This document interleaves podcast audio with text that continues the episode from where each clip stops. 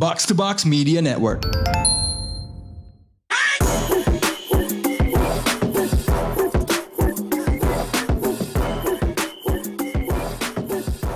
What up, what up? You're now listening to the most valuable basketball podcast in Indonesia. Box Out is in the house.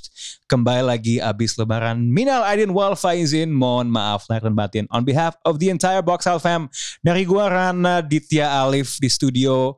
Our regulars are in the house. Gamal Siliarta is back. Uh, Yo, what up, what up? Ji, oke gue liat di grup WhatsApp. ah, entah kenapa kayaknya karena kehabisan topik atau filler atau apa. Selalu ada yang membelokkan perdebatan basket menjadi perdebatan soal makanan. And look, we I can agree to disagree antara lo soal Fogo lawan apa namanya uh, Tukanos. You have the you have the edge kalau angle-nya duit. Um, tapi ketika lo bilang pocajang enak, I have an issue with that, bro. Eh, Mas Jajang yang premier udah makan belum?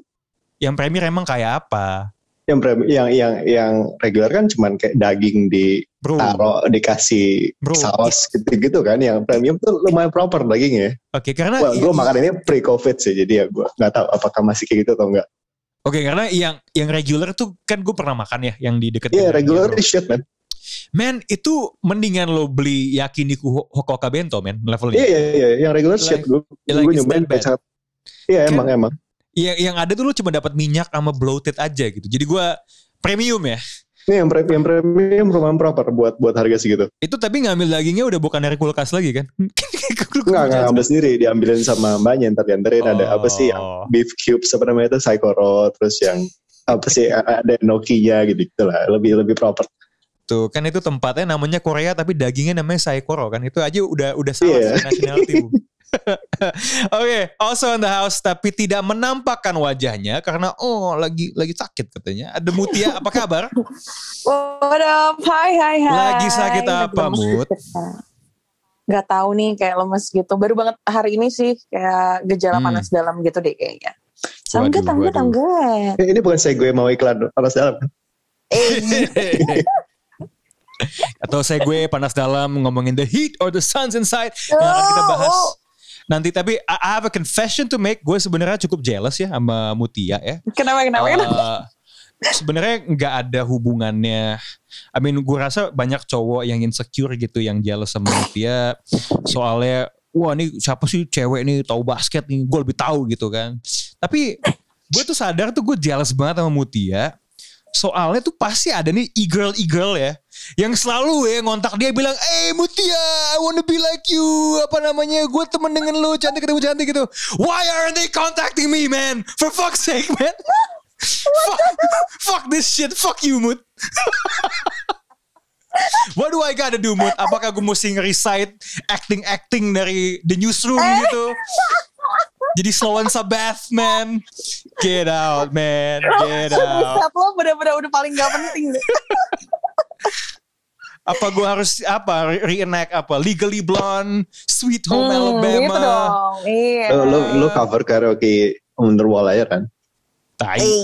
Get out. itu itu langsung mengubah respect gue terhadap Pep Guardiola tuh satu video tuh langsung emang emang emang nih pelatih kardus um anyway representing the hood from Depok to Fel Muhammad is in the house what up Assalamualaikum, minal aidin wal faizin. Waalaikumsalam. Minal Aidin wal Faizin sudah berapa jam dihabiskan untuk mendengarkan album di off season and all of its basketball references Ya, mas, eh, masih di dalam rotasi lah, di tengah-tengah lagi digandrungi K-pop saya di akhir-akhir ini. Oh, wow. K-pop K-pop Siapa? iya. siapa Big Bang, saya lagi banyak denger Big Bang karena istri saya nih ternyata diam-diam VIP. Mereka. oh Eh, you mereka, know dia, what dia. you know what me and your wife we have something in common karena ini ini hal yang lo, lo baru tahu setelah nikah Eh, ada hint-hintnya, cuma gue nggak tahu sedalam itu ternyata dia. Eh, Ah. Sampai koreografinya tahu dan Oh, shit. tahu. Respect. Respect. biasa respect. biasa siapa dia di TOP di- dia, TOP. Oh TOP, TOP. Nah, nah, nah, I, I gotta say though, TOP is a handsome dude ya. Um, Iya, dan keren deh, keren. keren. iya, suaranya Soalnya uh, sangat berat itu. Bener, like Tapi G-Dragon paling keren sih Bang menurut di, di Iya. Bang. Oke oke gini, G-Dragon kalau seandainya kita bahas di the mixtape itu unicorn dong jatuhnya. Iya, iya. Unicorn, Unicorn. Unicorn itu. iya. Itu unicorn. Oh, Enggak, tapi episode yang itu belum keluar, Vel. Oh ya belum ya? Belum, Belum, ya, belum, ya. belum. Jadi kita lihat nanti ya kalau ada banking episode lagi, siapa tahu ya kan. Berarti kan kita harus pikirin lagi kan abis unicorn apalagi. gue suka sih episode yang itu. Soalnya lu ada lu ada blunder yang cukup monumental di, di Bangke episode itu. itu sih. Gue kesal sama diri gue sendiri di hari itu. gue udah gue udah wah ti, lo sebagai orang yang gue tahu paling tahu hip hop gitu I, was, I, I- gotta say I was a little bit itu Hmm. menurut gue sayuti melik momen lo sih sebenarnya Iya, i- imposter syndrome gue langsung naik di sini. ah nah ini dan juga pastinya di episode kali ini yang udah yang gue gue rasa hari ini seneng banget ya dia Eh, dia segala macam tweet-tweet yang dia lancarkan dengan penuh kebohongan sambil ketawa-tawa culas akhirnya membuahkan hasil di pertandingan play-in tadi pagi saat podcast ini rekam karena Lakers menang 103 lawan 100 gimana suasana di Sentul adanya LeBron James Bapak Amar Ah, Sentul masih masih masih hujan, diterpa hujan. Sekarang tinggal rintik-rintik. Mungkin katanya kan banyak yang bilang rezeki gitu ya. Berarti mungkin karena itu menggambarkan suasana sedang ada rezeki gitu, memberikan kedamaian, jadinya adem lah pokoknya itu. Iya. Ini ini ini hujan setelah eh, cuaca cukup cerik eh, cukup terik di dua kuarter pertama ya. Tiba-tiba di Iya. kuarter 34, waduh cuacanya berubah di Staples Center gitu ya. Iya, iya. ada hujan lokal pak. Eh oke oke oke. You know what? Sebelum kita ngomongin soal game, I just want to say eh, ini udah cukup obvious ya. Gue tidak pernah menutup fakta bahwa di sebagian besar podcast yang gue ambil ya, gue biasanya tidak menonton sebagian besar materi yang harusnya gue bahas ya. Eh, di bola jangan tanya lah like apa nggak ada alasan logis bagi gue untuk jam 2 pagi nonton Arsenal gitu dan sebenarnya di basket because games come thick and fast in the morning gue sebenarnya nggak terlalu bisa keep up dengan animo libido basket. Anak-anak grup WhatsApp box out. But uh, this morning was the game I was waiting for. Gue pulang lebih awal kemarin malam dari acara minum sama temen untuk nonton itu pertandingan. And baby man it's like basketball is back kayak gue ngerasa dalam satu setengah tahun terakhir oke the bubble playoffs was great. Tapi dengan stadium dengan isi 8.000 orang pertandingan yang ada stakesnya uh, rivalitas LeBron and Steph going back gue ngerasa for a split second kayak kembali ke satu setengah tahun yang lalu tau gak lo zaman di mana angka penonton pendengar box out lebih tinggi dari sekarang gitu.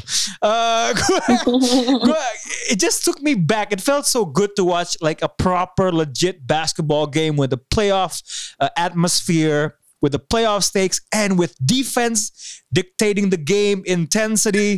Uh, banyak ba- kita udah ngebahas ini in the build up bagaimana ini special case buat play in Lakers lawan Warriors but boy it did not disappoint at all um, kalau ngeliat pertandingannya nih ya ini gue balikin ke Bapak Amar lagi deh karena suasana hati lagi seneng ya gini ya Lakers menang 103-100 a big clutch play from LeBron James ya at the at the very end tapi ini sebenarnya pertanda momentum yang akan berubah atau sebenarnya euforia ini sekedar menjadi prisoner of the moment saja Bapak Amar Hmm, hmm. Pertanyaan yang sangat-sangat menarik ini. Hmm. Hmm. Memang ini kan eh, sebelumnya sebelumnya sebelum untuk menjawab pertanyaan Pak Rana tadi kita eh, mengucapkan terima kasih dan selamat kepada Bapak eh, Adam Silver berikut jajarannya yang telah menginisiasikan program play-in ini. gitu. Tadi memang eh, saya bilang kayak tadi Pak Rana bilang pertandingan ini adalah pertandingan yang sangat monume- monumental gitu untuk menunjukkan keberhasilan play-in turnamen tambah dengan ending yang sangat dramatis jadi itu kayak semacam cherry on top. Dan dan kalau kalau tadi menyangkut sama pertanyaannya gua melihat ini kan hal yang tidak memiliki presiden ya. Jadi eh, sebenarnya sebenarnya sebenarnya lucu gitu loh. Lucu kalau kita harus segitu happy-nya melihat ada tim yang akhirnya berhasil masuk playoff di posisi 7 gitu. Hmm. sebenarnya kalau dari secara substansi memang tidak tidak ada tidak terlalu ada isinya gitu loh dan tidak dapat menunjukkan apa-apa dan eh, namun yang yang membuat ini memberikan euforia yang sangat besar gitu kan terhadap fans NBA secara umum dan mungkin fans Lakers atau fans LeBron secara khusus eh, drama drama yang terjadi gitu loh. Maksudnya per- pertemuan antara LeBron kembali dengan dengan Steph Curry yang mana itu bisa dibilang ya dalam 10 tahun belakangan adalah highlights terhadap momen-momen terbesar di NBA. Ya jadinya jadinya jadinya memang membuat itu menjadi sangat dramatisir. Tapi kalau dari secara gamenya sendiri, kalau dari eh, apakah fans Lakers harus jadi eh, apakah fans Lakers ini prisoner of moment? Tentu saja. Menurut saya, tentu saja. Karena menurut saya tidak ada satu hal pun yang bisa dibanggakan dari Lakers dari pertandingan tadi. Tidak ada sama sekali. Karena kalau kita lihat sekarang gini deh, ngadepin tim seperti Warriors yang bisa dibilang tim sedang pincang. Tim yang mengandalkan banyak pemain yang mungkin tahun lalu kita nggak pernah dengar tuh namanya siapa gitu loh, dan bahkan dia ada di mana. Lalu Lakers masih harus struggling segitunya untuk bisa menang lawan tim seperti itu.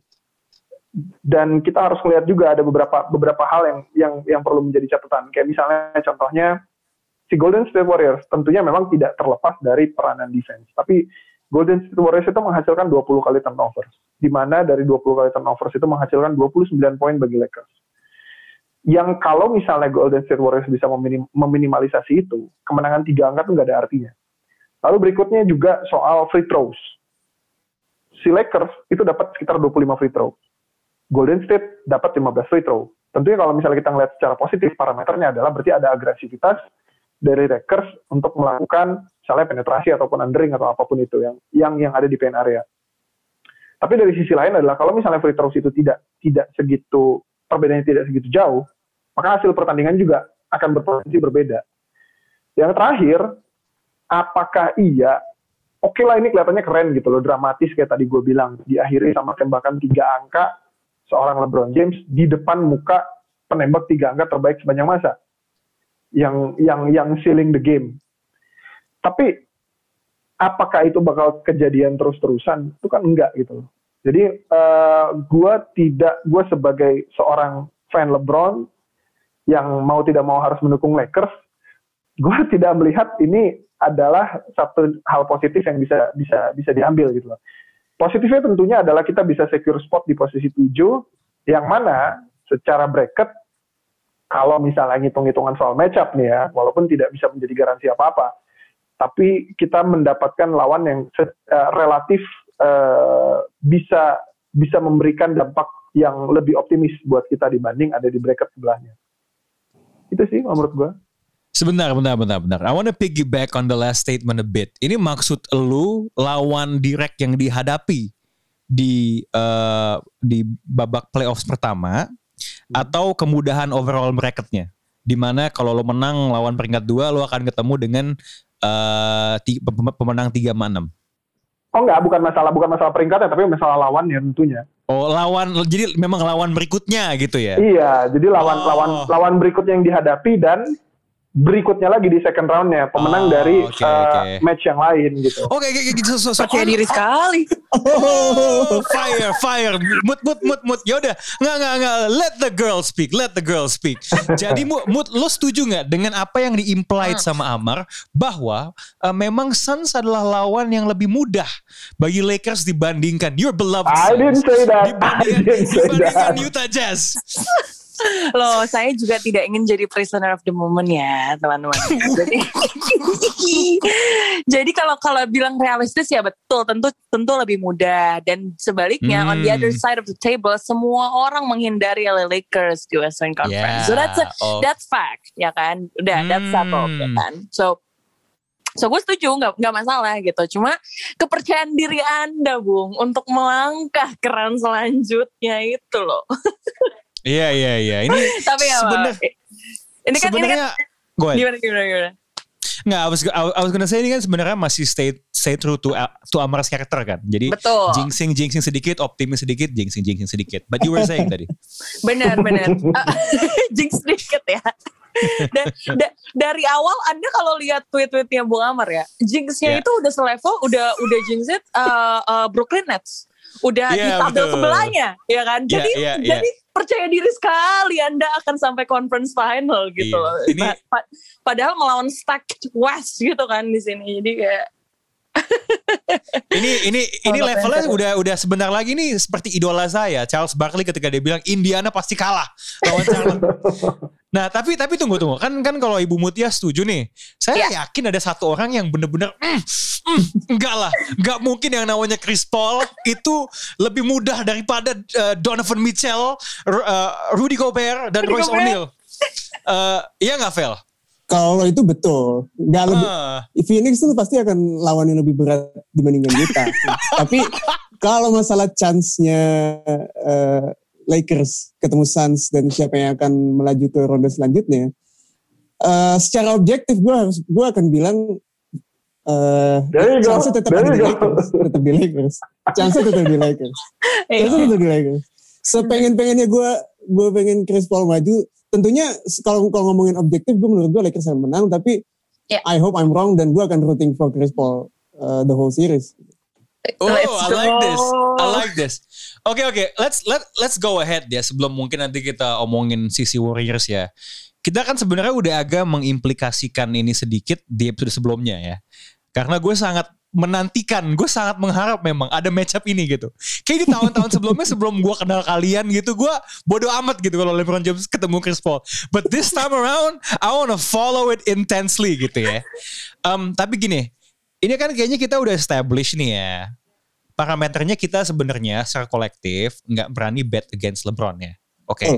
Hmm. Nah, hmm. jadi jadi jangan anggap pertanyaan atau pancingan berikutnya sebagai upaya untuk wah ini take melawan LeBron gitu. Tapi kalau ada yang bisa dilakukan Phoenix terhadap Lakers gitu, terhadap Los Angeles gitu. What do they have to pay attention to or what can they how can they hurt this Lakers team to fail hmm. Muhammad? Uh, gue sih akan start mereka have have to formulate a plan to stop Anthony Davis. Karena kalau hmm. kita lihat pertemuan di regular season ini, ini kalau nggak salah ya, kalau kalian bisa koreksi, dalam tiga pertemuan ini Lakers tuh menang sekali dari tiga pertemuan dan sekalinya itu ketika Anthony Davis main dan si AD itu cetak 42 poin di game itu. Dan di dua game pertama, game pertama tuh LeBron ada tapi AD nggak ada. Dan di game kedua dua-duanya nggak ada, LeBron nggak ada, AD nggak ada. So, hmm dan melihat personal yang ada di tim Phoenix Suns, gue juga tidak melihat adanya AD stopper dan tentunya di liga pun di liga NBA juga susah nyari namanya AD hmm. stopper hmm. dan uh, paling the closest thing that they have in uh, at least slowing down KD adalah Jay Crowder. Jay Crowder kita lihat okay. sendiri di uh, final tahun lalu pun tidak ada bukti konkret kalau dia memang uh, memperlambat AD. Jadi formulanya itu harus lebih skematik kalau menurut gue either gak boleh kasih deep entry ke Davis sekali kalaupun dia pegang bola di post langsung di double dan helpnya pun datangnya juga nggak boleh dari shooters yang emang proven sebenarnya kalau melihat uh, offense Lakers dan tempat-tempat yang bisa dieksploitasi adalah inkonsistensi di shootersnya kalau kita yeah. kalau kita melihat formula timnya gue akan dengan senang hati membiarkan either Alex Caruso atau Wesley Matthews atau KCP membunuh gue dari tiga, tempat tiga angka dibandingkan gue harus ngedeal with AD one on one atau LeBron one on one gitu. Ini it's easier said than done. Bener. LeBron ini sebenarnya udah menem, udah ketemu skematik kayak ini berulang-ulang kali. Cuma if there's a team that can formulate a plan, gue percaya Monty Williams bisa dan personelnya pun gue menurut gue secara defense pintar-pintar ya Phoenix untuk mengexecute that plan. Jadi menurut gue if they have kalau mereka pengen punya chance untuk mengalahkan Lakers, they have to start with stopping AD. Oke, okay, ini obviously itu kan itu tuh kayak without taking anything away from what you just said. Yep. Itu kan sebenarnya ada elemen stating the obviousnya kan. Mm. Dalam artian ya iya, you have to stop this dude ya. Cuman kalau kita berkaca sedikit ke pertandingan tadi ya, salah satu hal yang gue nikmati tadi ya, di pertandingan tadi pagi adalah the level of defense ya. Mm. Gue jujur tidak terlalu ngikutin runnya Golden State untuk menutup tahun ini.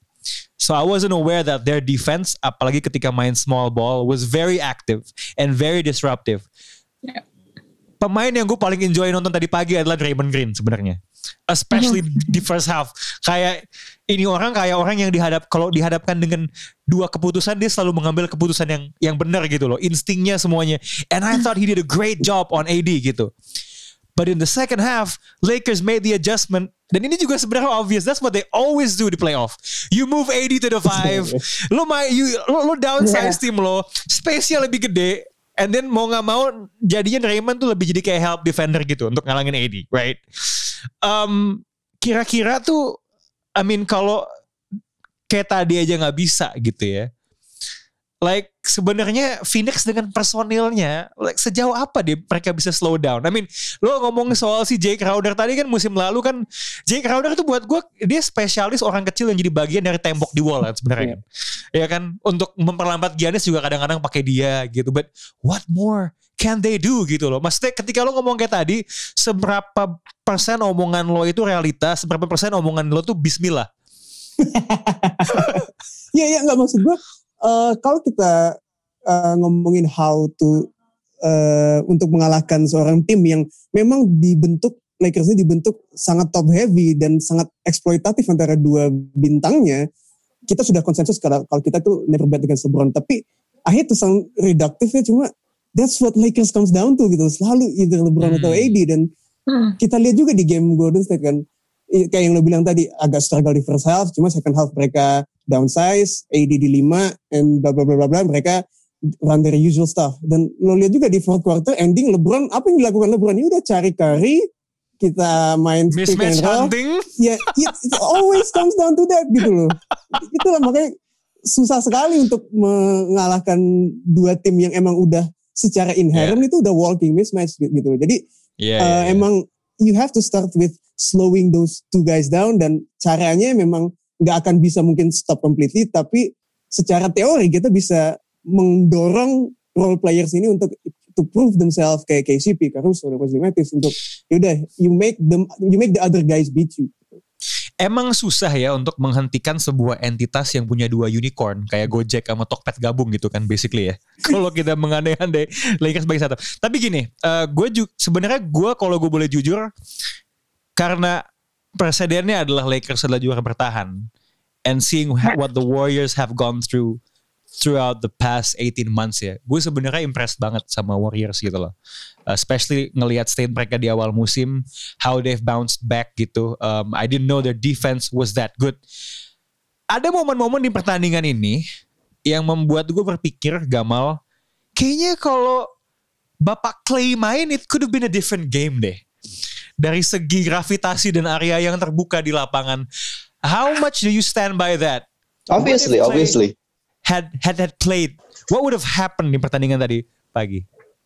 Well, obviously, uh, kalau misalnya ada play berarti ada satu defender di perimeter yang lebih bagus yang bisa membantu di di perimeter kan bisa membantu itu kayak kata Febel hmm. tadi untuk untuk mendisrupt permainan dari perimeter dan kalau dan secara offensive tadi kan kita ngelihat emang ya udah carry carry heavy kan dia ya, saya cutting cutting aja kan dari dari si si uh, Draymond si uh, Wiggins paling banyak kan cutting cuttingnya dan hmm. kalau misalnya ada Clay kan ya itu ada satu lagi itu bisa apa namanya mengenable Steph untuk menjadi untuk dia nggak di blitz terus-terusan gitu nggak di double terus-terusan hmm. itu kan yang yeah. formula dari apa formula suksesnya Golden State dari dulu kan itu ada dulu ada hmm. Clay hmm. terus waktu itu juga ada ada ada KD sehingga si apa namanya defender defender tuh kalau misalnya mereka ya mencoba untuk double step atau blitz step ya ada orang lain gitu yang bisa punish hmm. mereka dan yang orang lain itu kebetulan ada orang-orang yang emang offense sangat bagus gitu.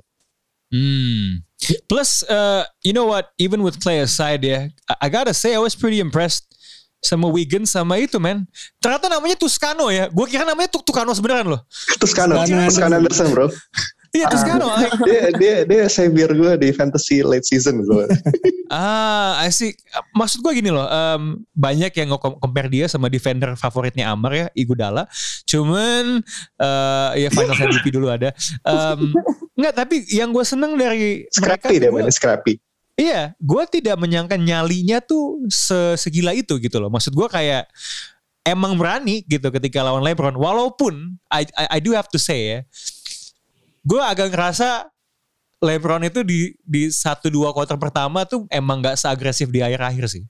Kayak emang ketika itu kayak wow Wiggins is blocking LeBron tapi ketika udah quarter keempat oke okay, it's time to Iya kayak Denzel Washington sama anaknya. Nah, ini, ini kemar kemarin-kemaman kan kayak ada narasinya. day, son. Nar narasinya tuh kayak, uh, Lakers, oh Lakers lagi lemah. Lakers, LeBron sama AD udah lama gak main bareng. Mereka butuh waktu uh. untuk gel. Ternyata cuma butuh dua kuarter doang untuk itu terjadi uh. gitu. Hmm, lagi. Hmm.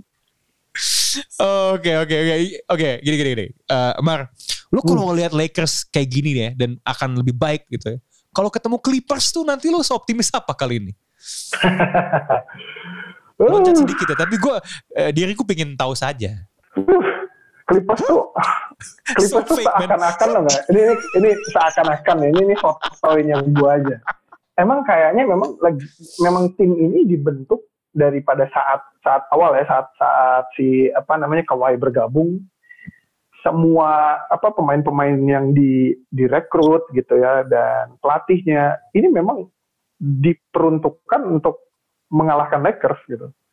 Hmm. Seolah-olah seolah-olah seperti itu yang gue lihat gitu ya. Jadi um, gue berulang kali bilang kita juga di Spaces pernah bahas yang akan memberikan gue rasa takut yang besar ya kalau ketemu Clippers gitu.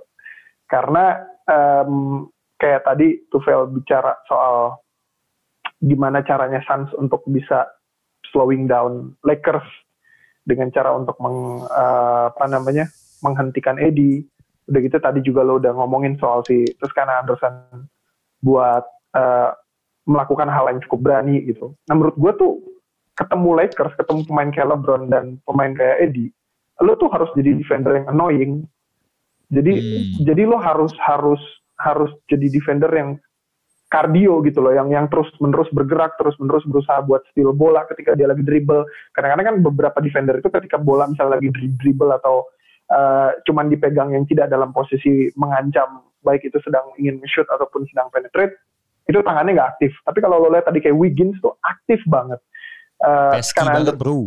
Uh, dan dan dan itu harusnya bisa coba diutilisasi sama misalnya si Michael Bridges atau si uh, Tory Craig karena menurut gue dari segi wings itu yang paling nggak bisa mereka lakukan. Nah, Clippers punya itu ditambah punya memang dari segi skill set dan pengalaman dan kemampuan itu untuk defending pemain-pemain seperti itu gitu.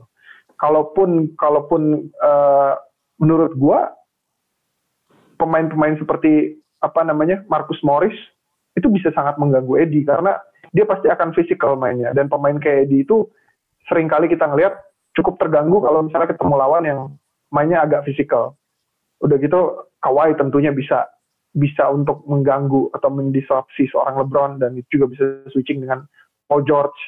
Um, udah gitu pemain-pemain seperti tentunya Patrick Beverly yang yang yang akan sangat bisa mengganggu LeBron karena kan waktu itu aja sempat yang gua gak, gua gua lupa di season lalu ya yang uh, LeBron berusaha ngambil game winning shot tiba-tiba di steal sama si Patrick Beverly.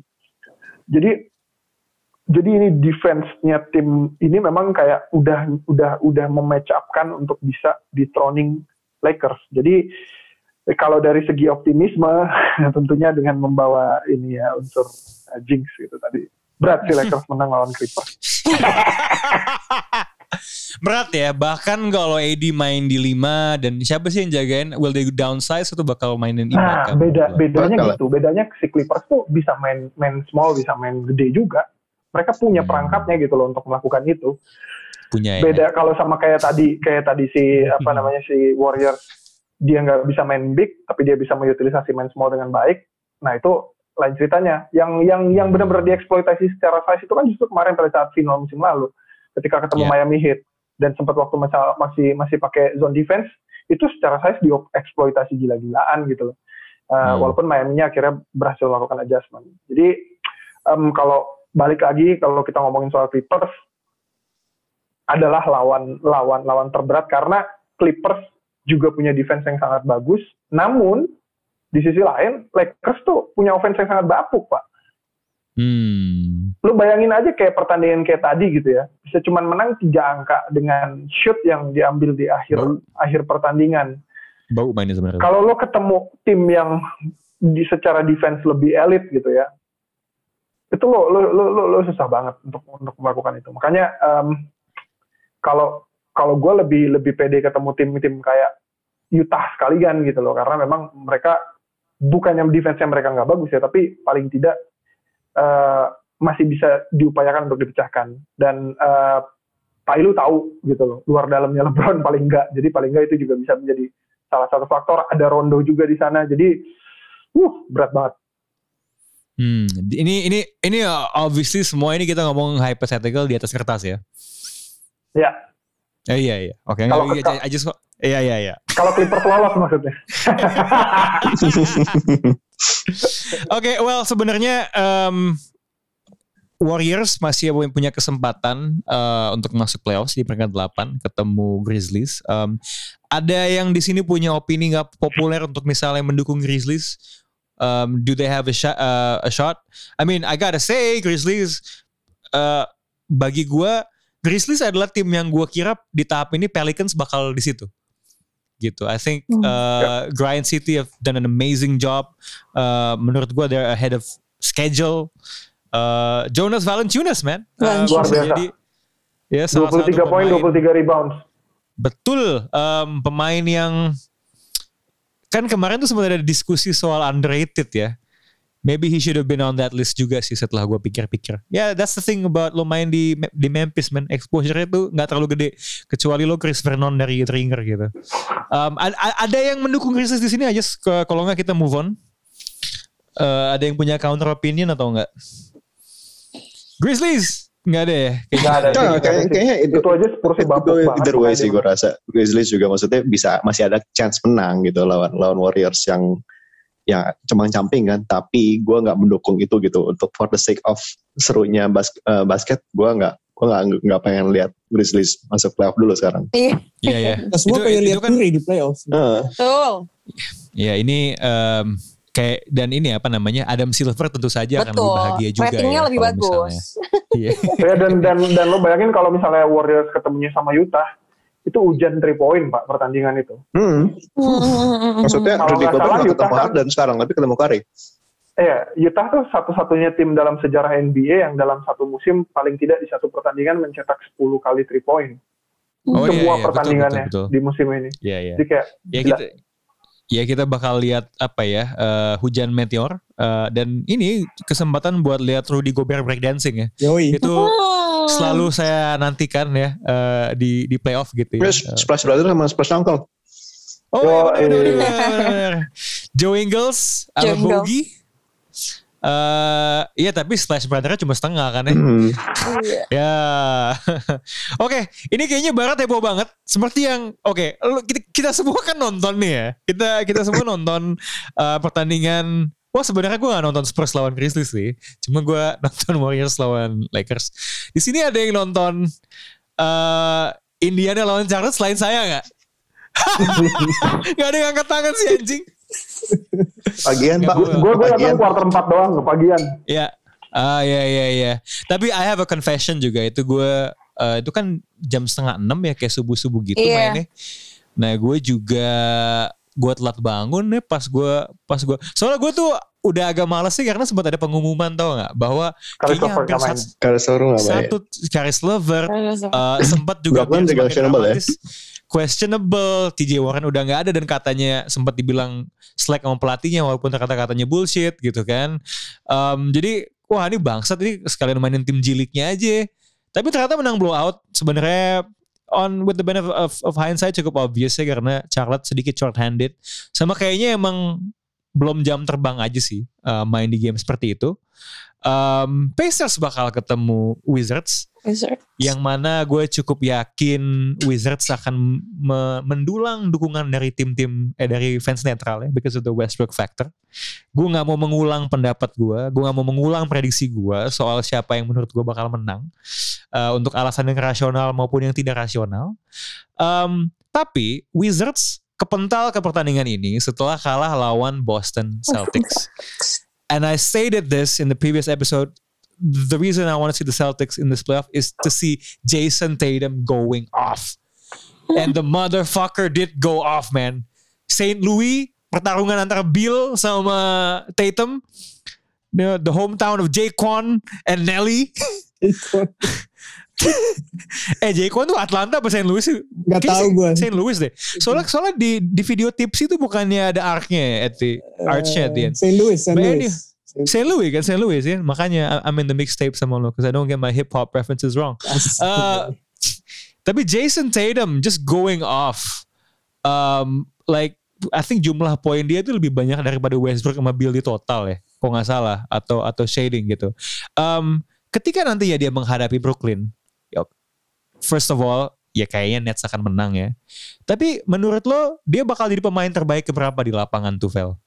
If he plays like kemarin. Uh, pemain terbaik keberapa? Gue bilang kedua lah tetap. KD menurut gue uh, masih pemain terbaik di Nets dan kalaupun di series itu melawan Celtics, uh, Celtics menurut gue udah gimana ya? When you lose your uh, second star gitu. Jalen Brown udah nggak akan main dan semua focal point of the offense akan tertuju kepada Jason Tatum dan lo akan terlihat sangat apa centralized di offense.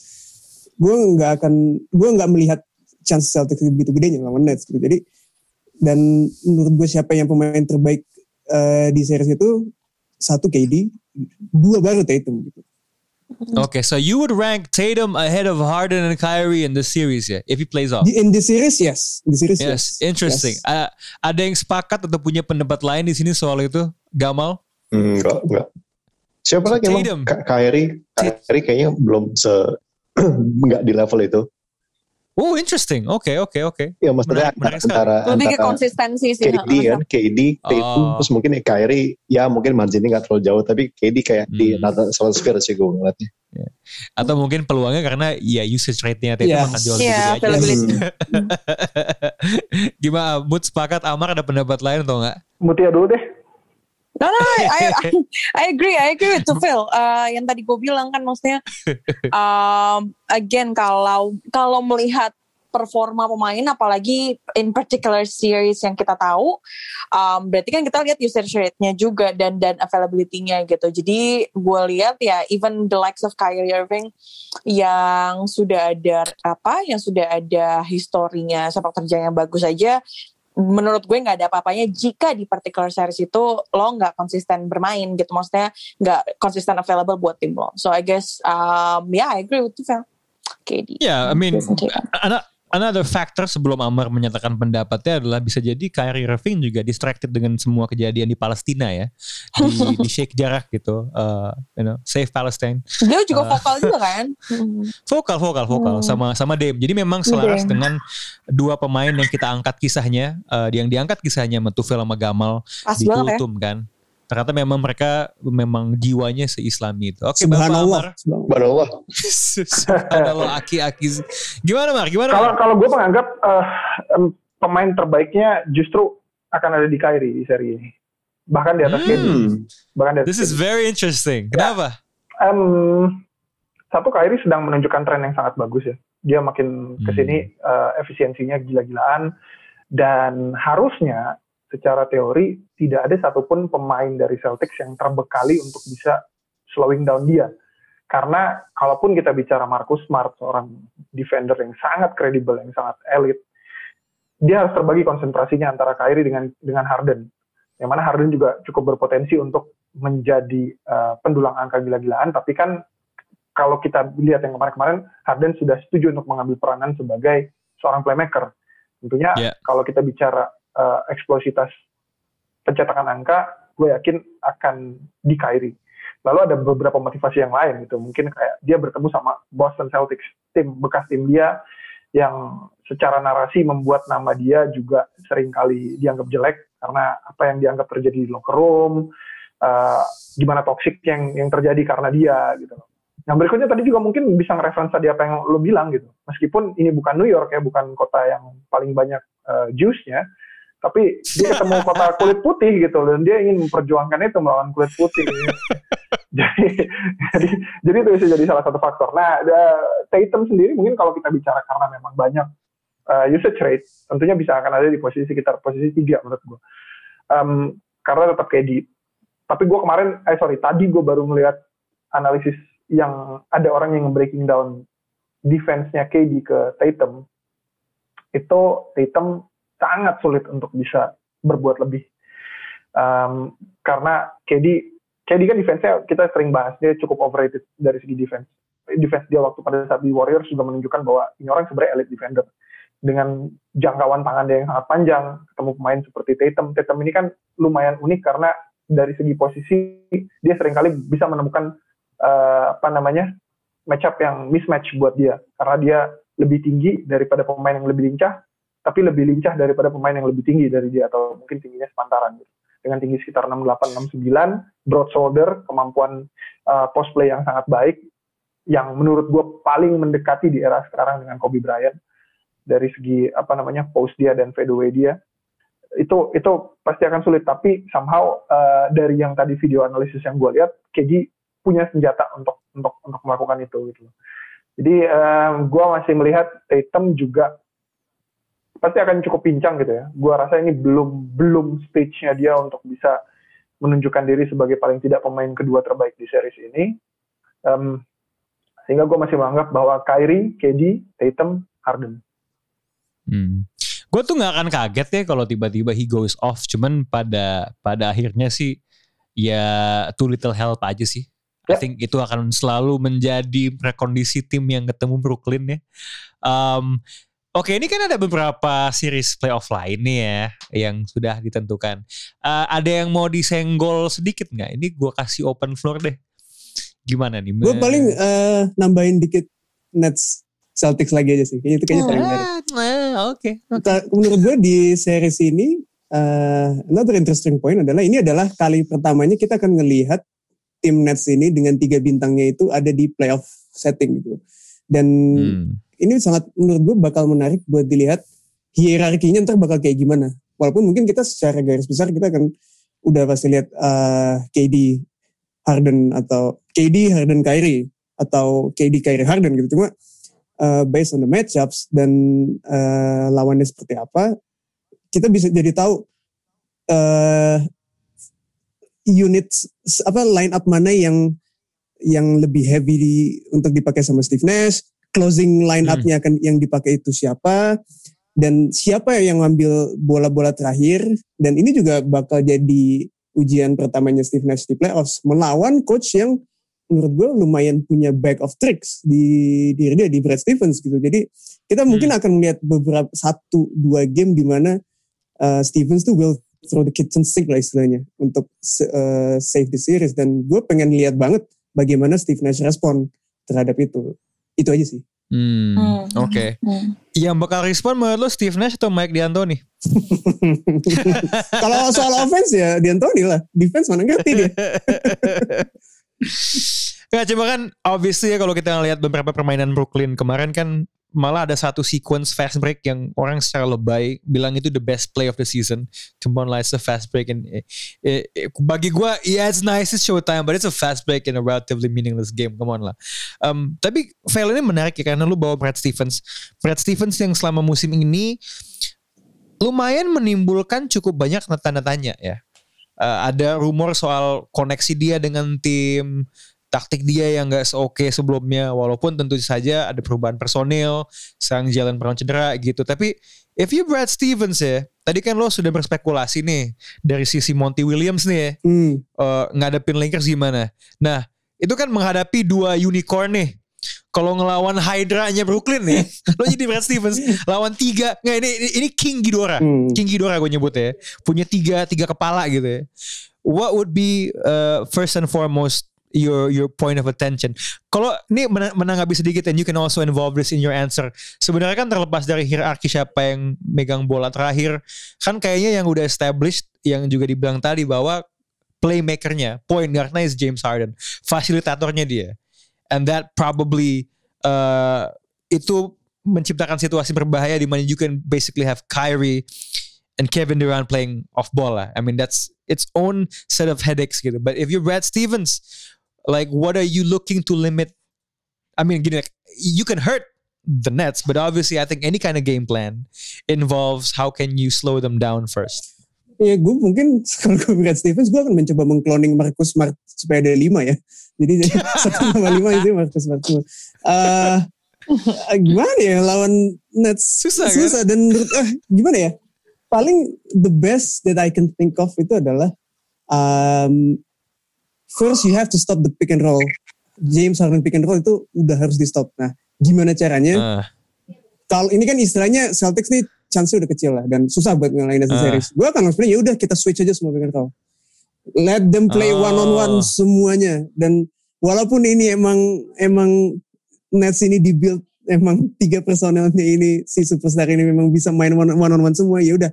If we switch all the all the actions dan mereka still beat us one on one ya udah kita angkat topi lo emang dari awal memang tim yang lebih baik gitu because kalau mismatch basically udah bakal suicidal anyway kan iya yeah, so um, if you don't switch inti sebenarnya menurut gue kan? menurut gue inti dari nge-switch semua pick adalah menghentikan penetrasi James Harden Hmm. James Harden itu sangat bahaya begitu dia penetrasi dan dia kick out. Dan kalau ketika defense udah diputer-puter lah udah di bend at James Harden's will tuh istilahnya ya udah lo mau ngapain mau rotasi lo secepat apa lo pasti bakal kalah gitu ya. Jadi yeah.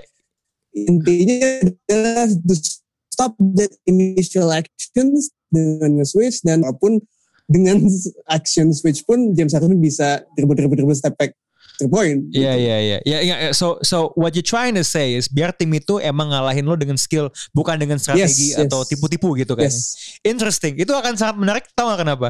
Because basically that's what Houston does kan dulu. Iya iya iya iya. Right, yeah. switch on Iya iya. Gila man full full circle gitu. Um, Gamal ada yang mau ditambahin soal series ini atau ya memang PR-nya bosen ya segede ini aja. Well, mungkin ini bakal jadi series yang apa ya uh, pressure-nya paling ya paling gede di Brad Stevens gitu karena musim ini kan emang dia kayaknya under fire banget gitu kan.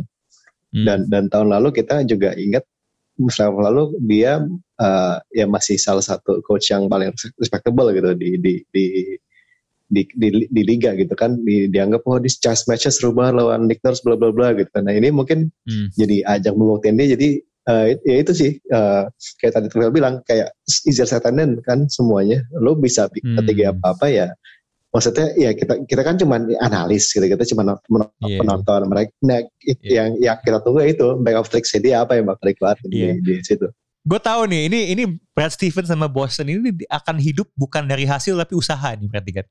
Kalau wah ini ternyata effortnya cukup kompetitif, kalau terhormat maka all is fine. Ini kalau gitu. kalau di box to box bola ini akan muncul pertanyaan ini Brad Stevens sebenarnya pelatih miskin taktik atau kaya taktik? Tai lah kalau pelatih kardus bilang miskin. pelatih kardus miskin taktik walau walau atau mungkin karena taktiknya pra pragmatis dibilang kan apa namanya ini parkir bus. Ah, ini miskin taktik. Uh, apa namanya uh, ya kan bisa aja kan coach Jason dengan ada adagiumnya kan bilang bahwa you concede 100 points you score 100 you still win the points. game man. you still, you win, still the win the game gue tuh eh ngomong-ngomong soal Coach Jasin tuh masih ada undangan terbuka dia buat datang ke datang ke box to box eh ke ke box out gitu. Oh serius? Cuma gue bilang, Anjir. Iya ada dulu, tapi ketemu Paul mau gak? uh, I, I look forward to see him karena di saat podcast ini naik gue diajak ke ke DPI gitu. So udah lama lah, cuma gue mesti baca-baca bola dikit you know. Pretend like I know the the sport again. Nah, tapi kalau kita ngomongin soal pelatih under fire ya, tentunya selain Brad Stevens dan Coach Justin ya, I mean he is a coach kan. Um, menurut gue sebenarnya yang paling under fire nih pelatih kesayangannya Gamal, Coach Bud. menurut gue ini yang paling harus membuktikan diri. Ketemu Miami lagi, wah ini basketball ghost nih emang emang emang tai gitu kan. Iya, Ketemu pelatih yang nge out coach di habis-habisan. Nah, Gamal apakah kali ini ya akan ada sebuah outcome yang berbeda gitu hmm. bagi coach Bud yang katanya tactical adjustmentnya udah lebih bagus tahun ini udah nggak ada Eric Bledsoe ada Drew Holiday atau akankah pengalaman 12 bulan kemarin terulang kembali? Harusnya ya, harusnya on paper melihat uh, komposisi timnya Bucks ya tahun ini yang lebih lebih versatile lah. Uh, maksudnya ada Drew Holiday, hmm.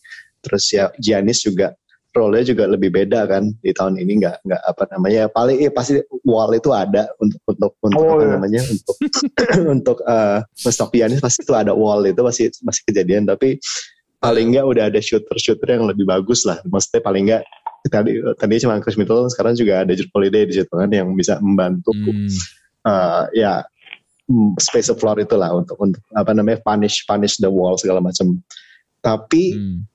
Gue ngelihat dari sisi Miami Heat sendiri ya mereka obviously di akhir musim kayak membaik kan performance-nya yeah. tapi uh, bubble hero tahun lalu si Tyler Hero kan kayaknya nggak terlalu bagus tahun ini gitu mainnya dan dia kan hmm. menjadi faktor besar di playoff tahun lalu gitu nah, itu sih ya. Iya kayaknya kemampuan white guysnya Miami ini agak turun ya dibandingin tahun lalu betul, sih. Betul, Ya mungkin karena tahun lalu mainnya di, di Disney gitu kan. Soalnya.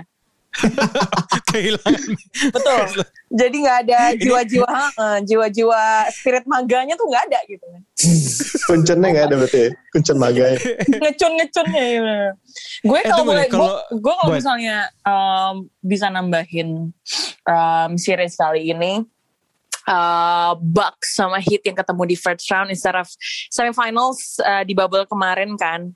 Kalau kita bisa look back um, di bubble kemarin itu saat mereka ketemu sebenarnya the idea of the uh, storyline-nya adalah to contain Yanis ya kan saat itu cuma kan yeah. again um, di musim ini tentu uh, apa sudah ketambahan lagi uh, bala bantuan gitu ya dari Jrue Holiday so again uh, he's a like exceptional perimeter defender, uh, uh, definitely a, a better shooter juga gitu.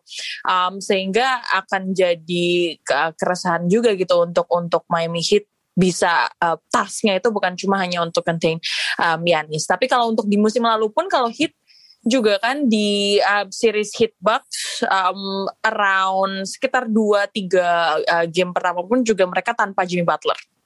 So that's hmm. um, apa that's something to be um, noted about bahwa apa selama ini kalau kita ngelihat tentunya uh, Jimmy Butler yang menjadi uh, menjadi kaptennya dan menjadi ibarat kata uh, apa seseorang yang always go off every uh, every game gitu tapi bisa juga uh, mengandalkan teammates lainnya tanpa kehadiran Jimmy Butler saat itu. Nah, kalau gue lihat uh, saat ini pun untuk untuk series uh, di uh, first round Bucks dengan adanya Jrue Holiday kemudian masih uh, dengan apa adanya veteran presence dari uh, Tucker, Boy Portis, uh, tentunya ada quality depth lah coming off from the bench gitu. Dan uh, bicara tentang Tyler Hero memang kan di musim ini di, di regular season pun juga mungkin tidak se-outstanding itu.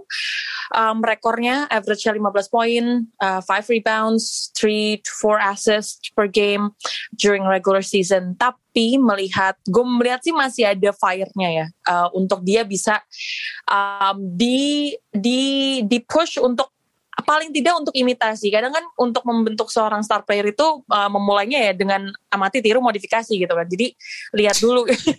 Jadi um, Helmi Yahya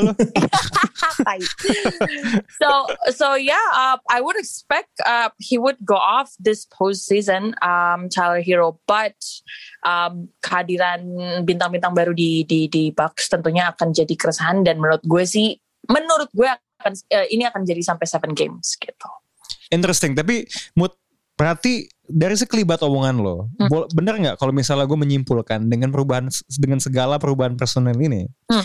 lo tidak seoptimis hit musim lalu di bubble hmm. kali ini iya iya iya um, gimana ya? Nggak nggak mungkin tidak seoptimis itu karena um, again di di di uh, Miami Heat di regular season pun juga tidak stabil itu menurut gue walaupun secara pencapaian individual the likes of Trevor Ariza uh, apa even Andre Iguodala uh, maksudnya mereka pun juga uh, gradually meningkat begitu. Maksudnya um, ada juga uh, apa Max Truss misalnya yang yang juga uh, mungkin selama ini kalau kita lihat di regular season uh, pencapaian individualnya juga meningkat gitu. Jadi gue mengandalkan mereka-mereka uh, ini tentu dengan dengan bantuan apa for general kembali lagi ada Goran Dragic. Kalau mereka uh, apa konsisten bisa healthy terus dan Jimmy Butler misalnya tetap uh, bisa konsisten dibandingkan regular season yang saat ini yang dia on off um, hmm, hmm. apa dengan dengan injury uh, problemnya. Bisa sih mestinya. Paling tidak untuk di first round ini uh, masih bisa. Walaupun gue tidak optimis lagi bahwa Miami Heat akan mendapatkan pencapaian seperti bubble kemarin gitu yang sampai hmm. uh, bisa sampai ke ke NBA Finals gitu dengan adanya well definitely Brooklyn Nets dan um, Sixers yang juga um, sekarang menjadi penempat tertinggi di seeding so ya. Yeah. if I'm being brutally honest, bagi gue belum ada bukti konkret bahwa Miami musim ini hmm. Is any better daripada musim lalu, terlepas dari segala alasannya, segala situasinya hmm. gitu ya. Um, dan it's pretty obvious bahwa Milwaukee personilnya sudah dirancang untuk lebih memudahkan hidup Giannis. So really, really, really, kalau misalnya Milwaukee nggak menang this series, I think it's a given without a shadow of a doubt, hmm. but needs to go. Itu menurut gue the pressure cooker is on him sih. Yeah. Kayak kayak apa ya ruang buat buat ngumpet atau punya alasan if it doesn't go well ya. I mean a game is a game, anything can happen tapi um, nggak sih I think they they would need something uh, drastic di di kursi kepelatihan sih hmm. going forward. Hmm. Um, Oke, okay. kembali ke ke apa ya roda rule series-series yang perlu dibahas. Um, rasanya kita udah sempat ngomongin Clippers sedikit akan ada rematch ya dengan playoff series tahun lalu yang gue sangat ingat karena double bang buzzer beater Luka Doncic tapi kok gue ngerasa Vel it's gonna be more of an uphill battle malahan ya buat Mavericks ketemu Clippers this time around. What do you think, man? Iya, yeah, sebenarnya di bubble tahun lalu itu the things that got got it going for the Mavs itu adalah sebenarnya chemistry-nya Clippers itu kan masih belum bagus di bubble kemarin dan uh, didukung juga dengan beberapa questionable coaching decisions dari Doc Rivers dan beberapa lineup personel yang uh, kurang optimal. Mungkin mungkin kayak Ivica Zubac mainin belum banyak dan uh, beberapa hal lainnya dan apalagi musim ini sudah ditambah beberapa pemain veteran yang sudah playoff proven gitu di klip di sisi Clippers di Ibaka dan Rondo dan di sisi Dallas pun memang tahun lalu sih kebanyakan di series itu Porzingis gak main. Nah, tapi sebenarnya uh, ini juga gue sempat singgung juga di grup box out di grup WA box out kalau while the presence of Porzingis is good on offense, cuma trennya ini lagi sangat mengkhawatirkan di sisi defense gitu dan melihat ada pemain tingginya 7 kaki 3 inci. Dan punya foot speed yang udah declining dari tahun lalu di playoffs dan melawan dua wings yang sangat sangat handal untuk beroperasi di pick and roll, gue tidak uh, istilahnya sangat khawatir melihat prospek itu. Jadi um, uh, dengan lo bilang it's more of an uphill battle, gue setuju. But as long as we have Luka, it's we still have a chance. But I still see the Clippers uh, moving on to the next round dan gue sih gue gue, gue, ngelihat ini going six aja udah oh udah sesuai ekspektasi. Oke, okay, uh, Mar, uh, ada series playoff lain yang perlu kita bahas, perlu kita. Oh enggak, tunggu, lupa gue, lupa gue, lupa gue sebelum sebelum masuk ke situ gue lupa satu pertanyaan fundamental tentang series ini. Is this the series finally, finally sekali lagi finally kita akan melihat playoff P di sini. Is this gonna be Amar Gil? Will we see Paul George? MVP Paul? MVP Paul? Is this a series? Come on Amar. Ngomong playoff P jadi kangen Paul.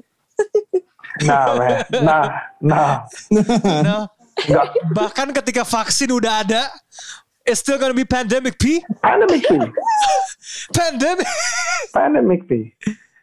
Gimana gimana? Ini lo ini ini counter reverse jinx atau emang ini sesuatu yang yang yang lo percaya dan lo amini?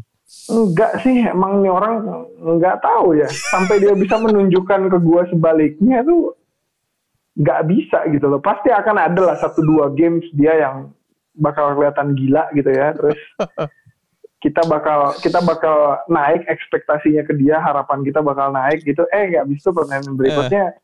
Hit the backboard gitu-gitu jadi kayak I don't know man it's it's hard it's hard to believe in him you know jadi kalau ketemu ketemu Dallas nih sebenarnya ya kayak yang tadi udah Tufel secara eloquently menyampaikan gitu ya potensi-potensinya seperti apa menurut gue ini sebenarnya jadi ajangnya Clippers buat buat nunjukin taji gitu sih. Maksudnya kayak hmm. karena bagaimanapun uh, tim lain kan pasti apalagi yang akan ketemu di bracket yang sama ya, pasti akan melakukan melakukan scouting, melakukan pengamatan gitu ya. Tapi ketika lo udah bisa kayak menancapkan gas dan lo menunjukkan taji lo, itu pasti akan berpengaruh kepada mental tim lain juga gitu loh dan akan hmm. berpengaruh juga terhadap apa namanya uh, attraction baik dari segi media dan lain-lain harusnya harusnya nih tanpa mengurangi rasa hormat kepada Dallas harusnya series ini tuh mereka tuh bisa sapu bersih. Oh. Hmm. harusnya harusnya mereka bisa sapu bersih gitu loh. Um, kayak kayak kayak kayak kayak ini kayak menurut gue tuh sedikit replikasi apa yang terjadi di timur kayak tadi kita ngomongin Boston sama Brooklyn gitu. Kayak tadi ngomongin soal strategi pelatih apa pelatih dari Brad Stevens strateginya apa buat nahan Brooklyn. Menurut gue satu-satunya strategi itu ya 5-3-2 meaning berarti lo harus punya 11 pemain di lapangan gitu loh buat ngentiin gue bingung ah, apa nih kok tiba-tiba formasi bola iya 5-3-2 jadi udah backnya 5 jadi lo punya ya punya 11 pemain lah baru bisa ngantiin Brooklyn Brooklyn gitu bagi seorang eh bagi se, uh, tim seperti Boston gitu. Ya, tetap. Yeah, yeah, yeah. Nah yang sebenarnya tidak kalah seru adalah tentunya uh, kandidat juara. Kenapa gue bilang kandidat juara? Karena bagaimanapun tim yang memuncaki harus tetap dianggap sebagai kandidat juara di conference masing-masing. 76ers, hmm. apalagi kalau ketemu Washington Wizards dengan hmm. um, apa namanya histori yang ada bis lah antara si si ini apa namanya Embiid. Joel Embiid, Embiid dengan Westbrook gitu itu itu juga harusnya jadi series yang yang lumayan lumayan lumayan seru gitu ya bakal ada chirp-chirp dikit gitu kayak kayak yang gua akan sudah duga nanti akan ada sedikit adegan-adegan panas antara Densu ketemu sama si Fitri gitu Dan itu pasti akan ada tuh dua adegan talk atau atau atau ribut atau apalah itu pasti akan ada gue yakin. Nah kalau ini juga ya, tapi, gitu. Tapi terlepas dari berantem gaknya, itu series lumayan one, one way traffic gak sih? Kayak gue ngebayangin matchup matchupnya kok kayak timpang banget ya men. Yes, kalau kalau dari segi matchup sepanjang semua sehat, harusnya Pacers akan memberikan perlawanan yang lebih berarti. Benar maksud gue dibanding Wizards. Wizards tuh Wizards tuh pilihan pilihan offense-nya tuh segitu limitatif, segitu sedikit sedikitnya gitu. Dan mereka juga bukan tim yang yang yang luar biasa banget dari uh, segi defense yeah. gitu. Jadi yeah, uh, yeah, yeah, yeah. harusnya kalau di atas kertas gitu ya terlepas dari nama besar kita kan banyak yang tadi lu sendiri tadi udah menyampaikan gitu loh banyak orang yang routing ke Wizards karena ada nama besar ada nama Westbrook dan mungkin Bradley Beal gitu. Tapi kalau dari segi kolektivitas sepanjang sehat Pacers itu akan lebih memberikan perlawanan yang berarti. Nggak nggak bikin Pacers menang juga gitu ketemu Sixers, cuman Oh iya iya benar. Oh tentu saja uh, ya akan memberikan perlawanan lebih berarti kalau Miles Turner nongol. Uh, tapi kalaupun dia nongol pun biasanya kan dia emang jadi bitchnya jual Embiid juga kan. Hmm. Jadi ya saya juga tidak terlalu banyak berharap gitu. Cuman emang gunting batu kertas gitu. Kembali ke yang gue udah ngomongin soal play in yang akan terjadi ketika podcast ini uh, belum naik. Ya sebaliknya dengan gak ada Miles Turner yang masih cedera, basically Pacers nggak punya rim protector dan akan sangat susah menanggulangi penetrasinya uh, Bill dan Westbrook. Westbrook kan stats-stats gilanya kayak yang gue udah pernah bilang kan kejadian tiga kali ketika lawan Indiana kan.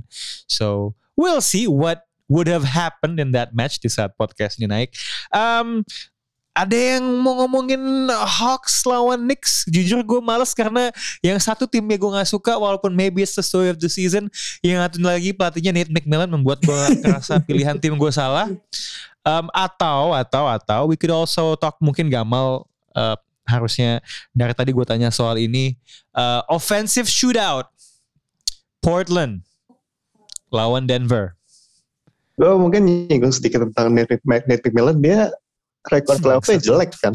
Maksudnya dari dia dulu di Portland, terus dia di Indiana, dan sekarang oh iya kita pernah iya, kan? senasib sepenanggungan ah, ya iya bener loh jadi maksudnya walaupun Kevin Richard juga ya oh, ah, iya, iya, walaupun betul, dia betul. bisa dibilang kayak miracle man-nya dia di, di, di, di, di Atlanta ya yang bisa nge-turn around seasonnya Hawks gue nggak merasa ini di uh, dia diunggulkan juga gitu di di playoff karena rekornya juga jelek gitu kan dan ini juga ya dua-duanya tim-tim anak-anak muda yang yang belum pernah main di playoff tapi kan tim Tom Thibodeau kan lebih udah biasa jam, main 40 menit jam terbangnya gitu kan. juga lebih bagus di, banyak di playoff di kan. Tom Thibodeau Iya, iya, iya. Itu sedikit tentang itu yang nggak worth yeah. dibahas.